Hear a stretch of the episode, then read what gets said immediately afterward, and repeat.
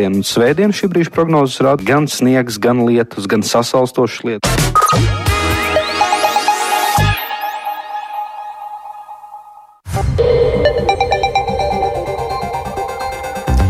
Piecas minūtes pāri 12. Tas ir laiks ziņu raidījumām pusdiena ar plašāku skaidrojumu par šodien, 23. janvārī notiekošo studijā Dācis Semenoviča. Labdien!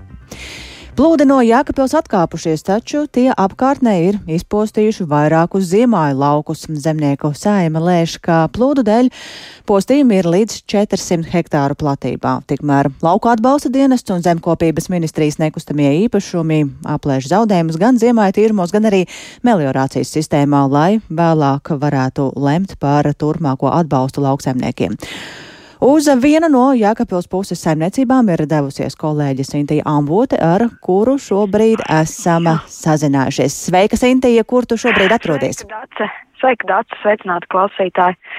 Uh, es esmu salas pagasta kaļķos, kas atrodas leipus Jēkapils, tuvāk zeļķiem. Uh, te uz salas ir uh, plaši ziemāja lauki, kuri plūdu dēļ tad pat laban daudz viet joprojām ir zem ūdens. Ūdens gan ir sasalis, un, nu jā, neskatoties uz to, ka ūdens līmenis Daugavā pie Jēkabals kopumā ir krities, šeit daudz viet ir šīs uh, ūdens uh, krātuves uz laukiem.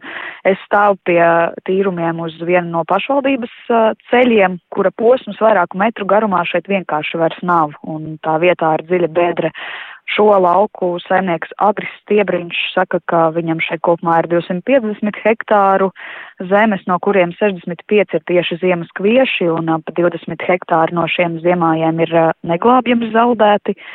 Un bez ražas šeit krietni cietas tad arī tīrumu infrastruktūra un varam mazliet paklausīties arī zemnieku sacīto par to.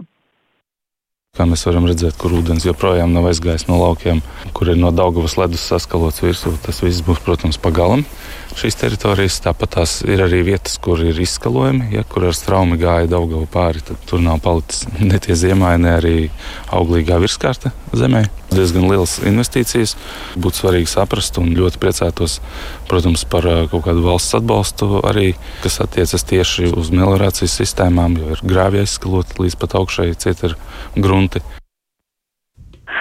Nu jā, šie lauki ap 300 metrus uh, no Daugavas daudz viet izskatās pēc nelieliem sasalšiem dīķiem un daudz vietas tiem stāv milzīgi izskalot arī ledus gabali. Turklāt uh, vietās, kur ūdens jau ir aizplūdis, var redzēt, ka ledus un ūdens masa ir izdangājis tādus kā krāterus un uh, par iekoptu lauku vairs nekas šeit neliecina. Uh, te vēl ir arī citas saimniecības un es došos arī uz tām, bet jau iepriekš aprunājos arī ar zemnieku Jūri Dilanu, kurš man pastāstīja, ka pie daļas savu lauku viņš nemaz netiek pat laban, jo arī ceļš ir aizskalots šajos plūdos, kā vietā, kur es šobrīd atrodos tas ir redzams Dace. Izklausās, ka postījumi tiešām ir, vai paši zemnieki ir aplēsuši, kādi tie būs, cik lieli? Zemnieki zaudējums tieši tādā naudiskā izteiksmē pagaidām nav lēsuši, taču jau rēķinās ar to, ka iekūlumi būs mazāki un šogad būs jāveic lieli ieguldījumi tieši lauka atjaunošanā. Pieminētajā kaļķu saimniecībā nebija arī zemes apdrošinātas. Zemnieks gan sacīja, ka palu laikā reizēm lauki ir tikai aplūduši arī citos gados, bet šāda situācija turklāt ziemā nav pieredzēta. Zemnieks arī minēja, ka kompānijā, kurā viņš apdrošina laukus tieši plūdu riska pat laban ziemājiem nav arī piedāvājumā un arī sabojātos laukus ar auglīgu augsni, kuros šobrīd vēl nemaz nav nekas iesēts, tādus apdrošināts vispār uh, nav iespējams. Un uh, runājot par tādu kopainu vēl, tad sazinājos arī ar zemnieku organizāciju Zemnieku saimu, kuras pārstāvi lēs, ka Jākapils pusē. Plūdos kopumā cietuši ap 400 hektāri ziemāju platību. Savukārt zemkopības ministrijā man šorīt norādīja, ka atbildīgās institūcijas zaudējums tīrumos vēl apkopo un tie varētu būt rīt, un tad secīgi tiks lemts uh, par iespējamo atbalstu lauksaimniekiem, un uh, savukārt ministrijas nekustamie īpašumi pagaidām vērtē, kā tieši valsts nozīmes meliorācijas sistēmas ir ietekmētas, un pagaidāms vērtējums ir, ka ievērojami bojājumi nav. Uh, novērojami, bet, uh, protams, vēl jāgaida līdz viss šis ūdens aizplūdīs, lai redzētu kopējo ainu, jo, nu, protams, ūdens šeit vēl tiešām daudz viet uh, turās. To lūkosim un skatīsimies. Paldies, Sinteja, un tevis sacīto dzirdēja arī zemnieku saimas valdes loceklis, lauksaimniecības politikas eksperts Mārtiņš Trons, kurš šobrīd ir pie telefona klausulas. Labdien! Labdien! Vai jums ir kādas aplēses, cik lieli postījumi kopā lauksaimniekiem ir nodarīti Jēkabpils pusē plūdu dēļ?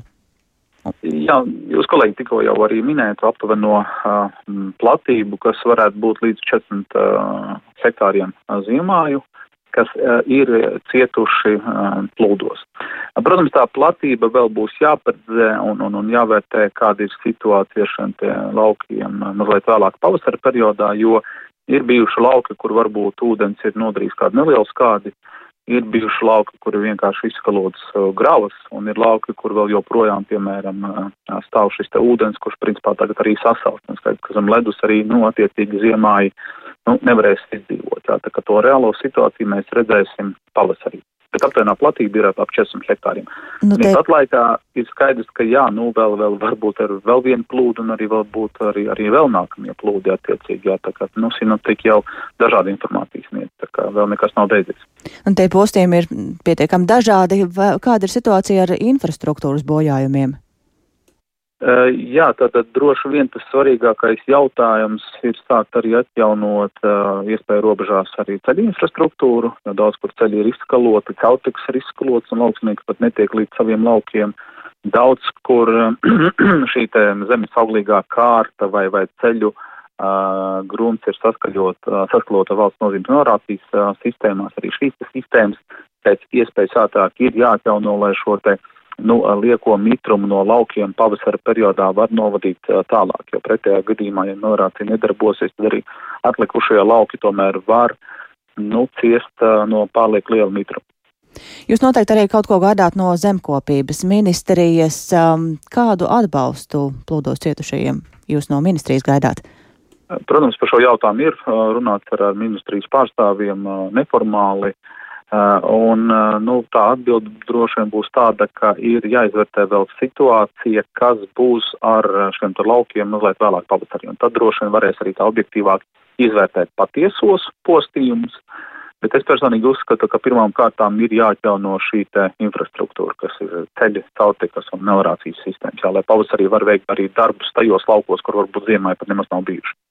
Nu jā, jūs jau pieminējāt, ka tātad tas vēl pavasarī, bet pagaidām šobrīd droši vien Jēkabils nav vienīgā vieta, kas ir cietusi. Ir jums kādas ziņas par pārējo Latviju? Uh, protams, starp Ziemassvētkiem un Jauno gadu bija visai īpatnējā situācija, teiksim, Vidzemes un, un Latgales reģionā, kur bija visai bieza sniegkārta, kas ļoti strauji sāka kust, un arī, arī, arī lietus um, paralēli lija, un bija brīži, kad uh, varbūt uh, nu, nedēļas laikā atsevišķos reģionos arī kādi nu, 50 mm arī, arī, arī ūdens ir aiztecējuši pa norādīt grāviem. Un šeit, ka tādā brīdī, kad sistēmas ir daļēji aizsalušas, tad arī šie nokrišņu novadīšana ir apgrūtinoši. Un dažos laukos bija vērojama situācija, ka bija peļķis vai, vai augsne bija pārmitra. Bet es saprotu, pašlaik tā situācija ir mazliet, mazliet uzlabojusies. Savukārt kolēģi atkal no zemgala ziņo par to, ka varbūt ir problēmas ar ar ceļiem, jā, tad ceļi ir sākuši kust un pārvietošanās ir tāda apgrūtinoša.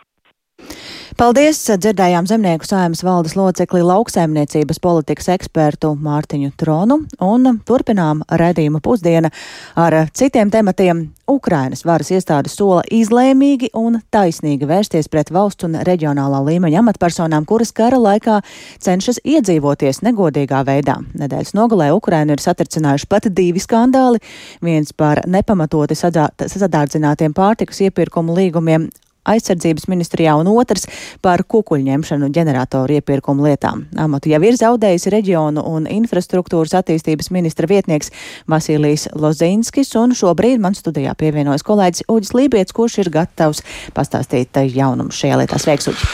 Sveicināti! Jā, tas, ka korupcija Ukrainā jau izsenas ir bijusi diezgan liela problēma, droši vien nebūs nevienam īpaši liels pārsteigums.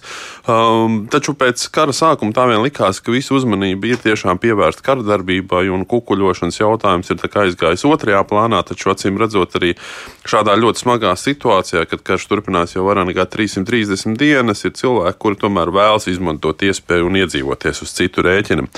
Kā šodien ir izteicies valdošās partijas Tautas kalps frakcijas vadītājs parlamentā Davids Arahamija jau kopš kara sākuma, pērnā gada februārī, par dažādiem oficiāliem, neoficiāliem kanāliem. Visi ierēģi ir tikuši brīdināti, ka ir jābeidz nodarboties ar šaubīgām lietām un ir jākoncentrējas uz karu, palīdzību cietušajiem, birokrātijas mazināšanu. Un, kā atzīstām Nāra Hamīda, daudz šo vēstījumu ir sapratuši, daudzi nav sapratuši, un tā īstā, nu, pēc viņu vārda, vārdiem sēdināšana sākšoties pavasarī. Turklāt, ja cilvēki nesaprot to cilvēciski, tad būšot jārīkojas pēc kara laika likumiem. Un, Komentējot nedēļas nogalē, atklātībā nonāk šo informāciju arī Ukrainas prezidents Valdemirs Zelenskis ir uzsvērs, ka ir pienācis laiks spērt izlēmīgus soļus, un izmeklētājiem beidzot ir iespēja nodot šīs lietas tiesai, un paklausīsimies viņa teikto. Зараз основна увага це питання оборони, це питання. Šobrīd galvenā uzmanība ir jāpievērš aizsardzībai, ārpolitikai un kara jautājumiem. Taču tas nenozīmē, ka es neredzu un nejūtu, kas notiek dažādos varas līmeņos, gan centrā, gan reģionos. Šīs nedēļas laikā tiks pieņemti vairāki konkrēti lēmumi, tie jau ir sagatavoti. Es negribu precizēt, bet tas viss būs taisnīgi. Es saprotu, ka cilvēku uzmanība ir piesaistīta un apsolu, ka katrā situācijā mēs detalizēti visu skaidrosim. Nu, šajā nu, situācijā droši vien arī varētu tas prasīt amatu zaudēšanu. Jā, un šorīt uh, uz, uzdevums Ukraiņska pravda ziņo, ka tuvākajā laikā savus amatus varētu zaudēt enerģētikas ministrs Hermans Halušenko, sporta lietu ministrs, arī Nacionālās olimpiskās komitejas vadītājs Vadims Gucaits un strateģiskās rūpniecības nozara jautājuma ministrs Pāvels Rjapkins. Uh, prezidenta komandā arī esot aktīvas diskusijas par to, vai šādi ministru postiņi vispār ir nepieciešami, un ir arī runa par to, ka vajadzētu tikt vaļā no izglītības ministra un arī veterānu lietu ministra. Varbūt arī um, šos jautājumus um, skatīs vēlāk, pagaidām tie nav īsti dienas kārtībā. Bet nu, noslēgumā es gribētu vien piebilst, ka nu, šis notiekošais noteikti pievērsīs arī plašāku starptautisku uz, uzmanību, galvenokārt jau tāpēc, ka rietumos ar vien biežāk izskan aicinājumi rūpīgi sekot līdz tam, kā um, Ukrainai piešķirtā palīdzība finansiālā, militārā, arī praktiskā tiek izmantota. Uh, Un uh, šeit es gribētu teikt, ka arī nu, Latvija droši vien rūpīgi sekos tam, kāds notiek, jo arī mēs esam apņēmušies palīdzēt infrastruktūras attīstīšanā Černīgavas uh, apgabalā. Nu, arī gribētos prognozēt, ka Ukraiņiem tagad savu tēlu spodrināšanai noteikti prasītos kāda paraugu prāva. Un to mēs redzēsim tuvākajās nedēļās, domāju. Paldies Uģim Lībietim, protams, arī ziņu programmas Latvijas radio turpinās sekot šim līdzi. Bet eh, par vēl kādu tematu citviet pasaulē Dienvidāzijas valstī Pakistānā desmitiem miljoniem iedzīvotāji šodien ir palikuši bez elektrības, un tas notika pēc avārijas elektroapgādes tīklā. Pakistānā pašlaik ir spēkā enerģijas taupības pasākumi, jo valsts nespēja norēķināties par energoresursu importu, un vairāk par to stāsta Uldis Česberis. Visā Pakistānā šorīt daudzos mājokļos nedega gaisma, bet uz ielām nedarbojās luksofori, jo valsts piedzīvoja apjomīgu elektrības piegādes pārāvumu. Tādēļ elektrība nebija pieejama Pakistānas lielākajā pilsētā Karāči, kur dzīvo 15 miljoni cilvēku, kā arī galvaspilsētā Islāmabādā. Pakistānas ekonomikas ministrija paziņoja, ka elektroenerģijas piegādes pārāvumu izraisīja kļūme elektroapgādes tīklā. Atbildīgie dienesti darot visu, lai pilnībā atjaunotu tīkla darbību. Atsevišķos valsts reģionos elektrības piegāde jau ir atjaunota, bet daudz viet var nākties gaidīt vēl vairākas stundas. Novecojušās infrastruktūras dēļ Pakistāna diezgan regulāri piedzīvo mazāka mēroga elektrības piegādes pārrāvumus, tāpēc daudzi uzņēmumi un iestādes, piemēram, slimnīcas, ir nodrošinājušās ar autonomiem elektrības ģeneratoriem. Tomēr daudziem pakistāniešiem nav šādu iespēju, un viņiem var nākties dzīvot bez elektrības arī vairākas dienas. Pakistāna pašlaik piedzīvo ekonomisko krīzi, tāpēc valdība janvāra sākumā izdeva rīkojumu sabiedriskās ēdināšanas iestādēm, iepirkšanās centriem un tirgiem saīsināt darba laiku, bet valsts iestāžu darbiniekus mudināja strādāt no mājām, lai ietaupītu naudu par enerģiju. Energoresursu imports veido gandrīz trešdaļu no Pakistānas kopējā importa, bet energoresursu cenu straujā pieauguma dēļ kopš pagājušā gada ir ievērojami samazinājušās Pakistānas ārvalstu valūtas rezerves. Bijušais Pakistānas premjerministrs Imrāns Hāns uzskata, ka izējā no ekonomiskās krīzes ir pirmstermiņa parlamenta vēlēšanas.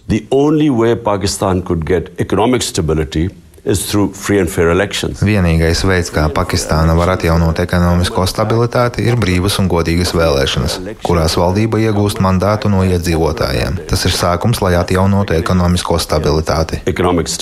Jāpiebilst, ka pagājušajā nedēļā Pakistāna noslēdza līgumu ar Krieviju par naftas un gāzes piegādēm. Pakistānas valdība apgalvo, ka valsts varēs saņemt Krievijas energoresursus par izdevīgām cenām. Uldis Česberis, Latvijas radio.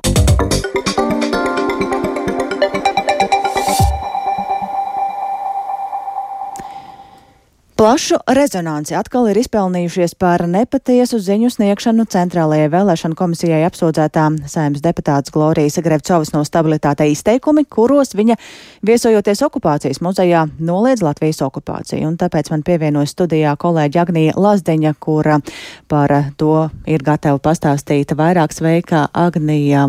Tātad izstāst, kas ir noticis. Labdien! Jā, tātad pagājušajā svētdienā, proti vakar pēc Latvijas okupācijas muzeja apmeklējuma sociālo tīklu platformā TikTok, deputāta Glorija Greucova no partijas stabilitātei publicēja video, kurā stāstīja, ka atrodas, citēju, tā saucamajā okupācijas muzejā. Un tāpat arī viņa uzsvēra, ka muzejā fakts pēc fakta nesakrīt, tostarp pats muzeja gids deputātei ir stāstījis savu paralēlo izdomāto vēsturi, kā viņa to uzsvēra savā video. Tagad paklausīsimies īsu citātu no vakardienas Graucovas izteikumiem šajā publicētajā video. Напомню, музей называется «Оккупациес музейс». Вот так и живем. Atgādināšu, muzeja nosaukums ir Okupācijas muzejs. Lūk, tā arī dzīvojam. Apskatījām visus eksponātus un sapratām, re, kā mūs muļķo, kā mūs muļķo. Ja es jau agrāk domāju, ka pie mums ir propaganda, tad izējot cauri šim muzejam, tu saproti, kas tas ir īsta propaganda. Šie propaganda. Šorīt eh, deputāts Edmunds Jurēvits no partijas jaunā vienotība savā Twitter profilā nosodīja Graucovas izteikumus, saucot tos par nepieņemamiem un paziņoja, ka ir iesniedzis prokuratūrā iesniegumu par Glorijas Graucovas izteikumiem, kurā viņš norāda nepieciešamību izvērtēt, vai publiskotajā materiālā nav saskatāms krimināla likuma eh, pantā pār, panta pārkāpums, eh, proti nozieguma pret mieru un kara nozieguma attaisnošanu pazīmes, un arī ierosināja uzsākt kriminālu procesu. Un, tāpat Latvijas radio uzrunāja arī Latvijas okupācijas muzeja direktori Solvitu Vību, un paklausīsimies tagad, ko tad viņa saka par šo publicēto video. Latvijas okupācijas muzeja krājumā ir 75 tūkstoši priekšmetu. No tiem cilvēkiem, kuri ir dāvinājuši šos priekšmetus muzejam, kas ir bijuši deportēti, kas ir cietuši abās okupācijās, Mums ir 2500 video liecības, un citējot deputāti, tās mūs nemuļķo, tie ir vēstures avoti, uz kā balstās mūsu muzeja stāsts, kas ir par mūsu valsti, par mūsu zemi un par mūsu tautu. Mūsu ekspozīcija sākas ar satversmi, ekspozīcija beidzas ar satversmi, ar satversmes grozījumiem. Mēs dzīvojam pēc šīm vērtībām, Piebildīšu, ka šodien, pirms ka nepilnām divām stundām, Glorija Graucava publicēja vēl vienu video savā TikTok profilā, kurā pauda, ka nenoliec okupācijas faktu, bet uzsvēra, ka tik un tā pilnībā nav sniegti muzejā visi fakti, jo ir daudz vairāk avotu nekā tur tiek uzrādīts, un tāpat daudzi fakti ir sagrozīti, piemēram, rādītas nepatiesas fotogrāfijas par notikumiem. Tāpat arī viņa pārmeta šajā publicētajā video, ka muzeja apmeklējumam jābūt ir bez maksas, taču kā Latvijas Latvijas radio sarunā ar, ar muzeja direktoru Salvitu Vību, viņa norādīja, ka muzejs ir privāts un uh, tā ir biedrība, kura diemžēl uh, pastāv un tās pastāvēšana ir atkarīga no ziedotājiem. Lai gan viņi gribētu, lai šis muzejs būtu pieejams bez maksas, viņi tomēr to nevar īstenot. Paldies, Agnija, un tu jau pieminēji arī to, ka tātad saimnes deputāts Edmunds Jurevits no jaunās vienotības ir vēsies prokuratūrā. Mums ir šobrīd ar iespēju ar viņu aprunāties, jo viņš pievienojas telefoniski. Labdien! Labdien! Izstāstiet uh, to savu pamatojumu, kas šajos izteikumos jums likās tāds, kas pārkāpja likumu un Kāpēc būtu jāreģē tieslietu iestādēm?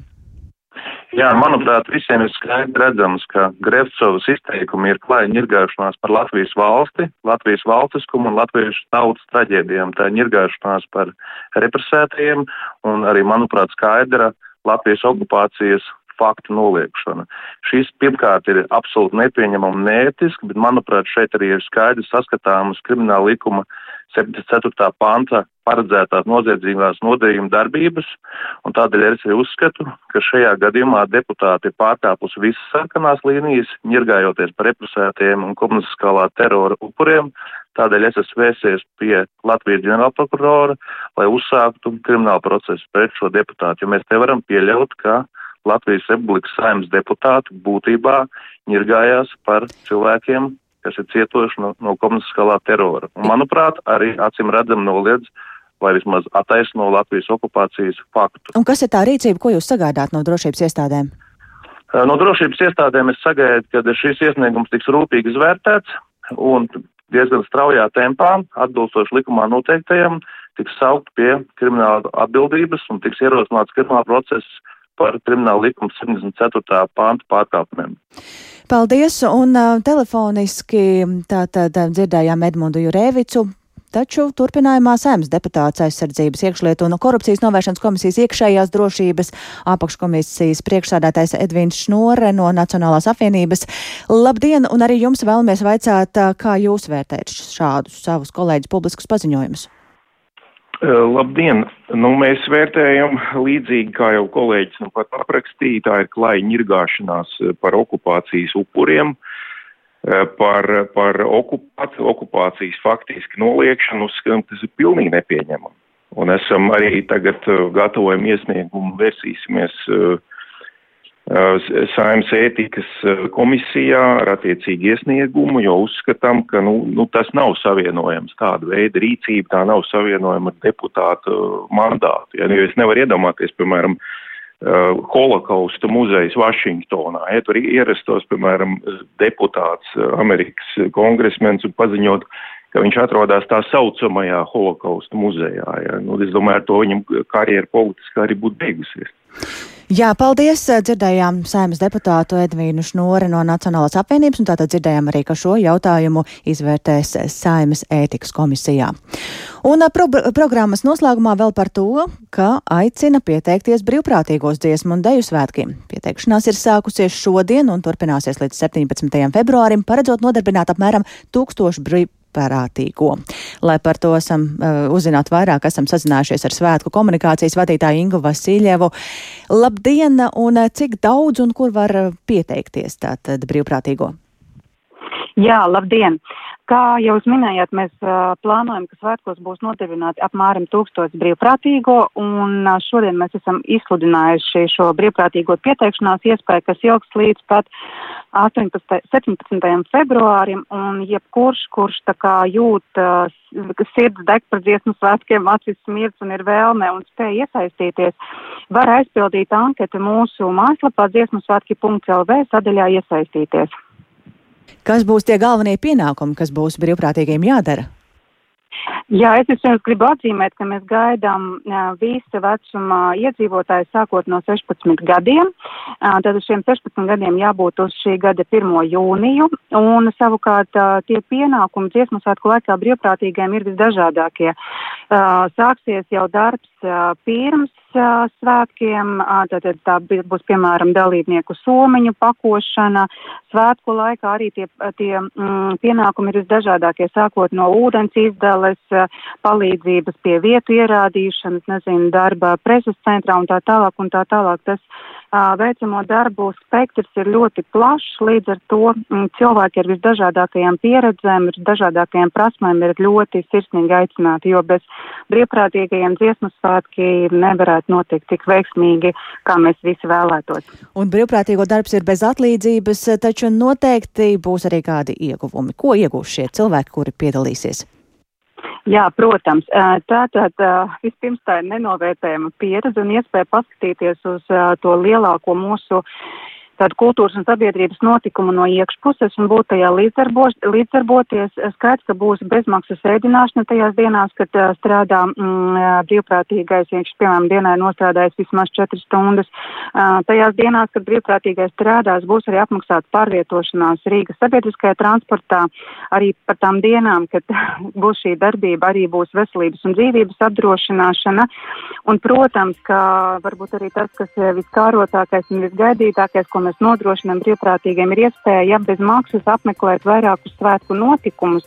Uh, Tostarp arī abus lielos koncertus, meža parka, abus koru koncertus, noslēguma koncertus, atdziedāšanās naktī, pūtēju orķestru koncertu un zaļumbali un vēl pāris uh, notikumus. Paldies, liels! Tātad um, iespēja kļūt par dziesmu svētku brīvprātīgu un ar to izskan programma pusdiena producenti.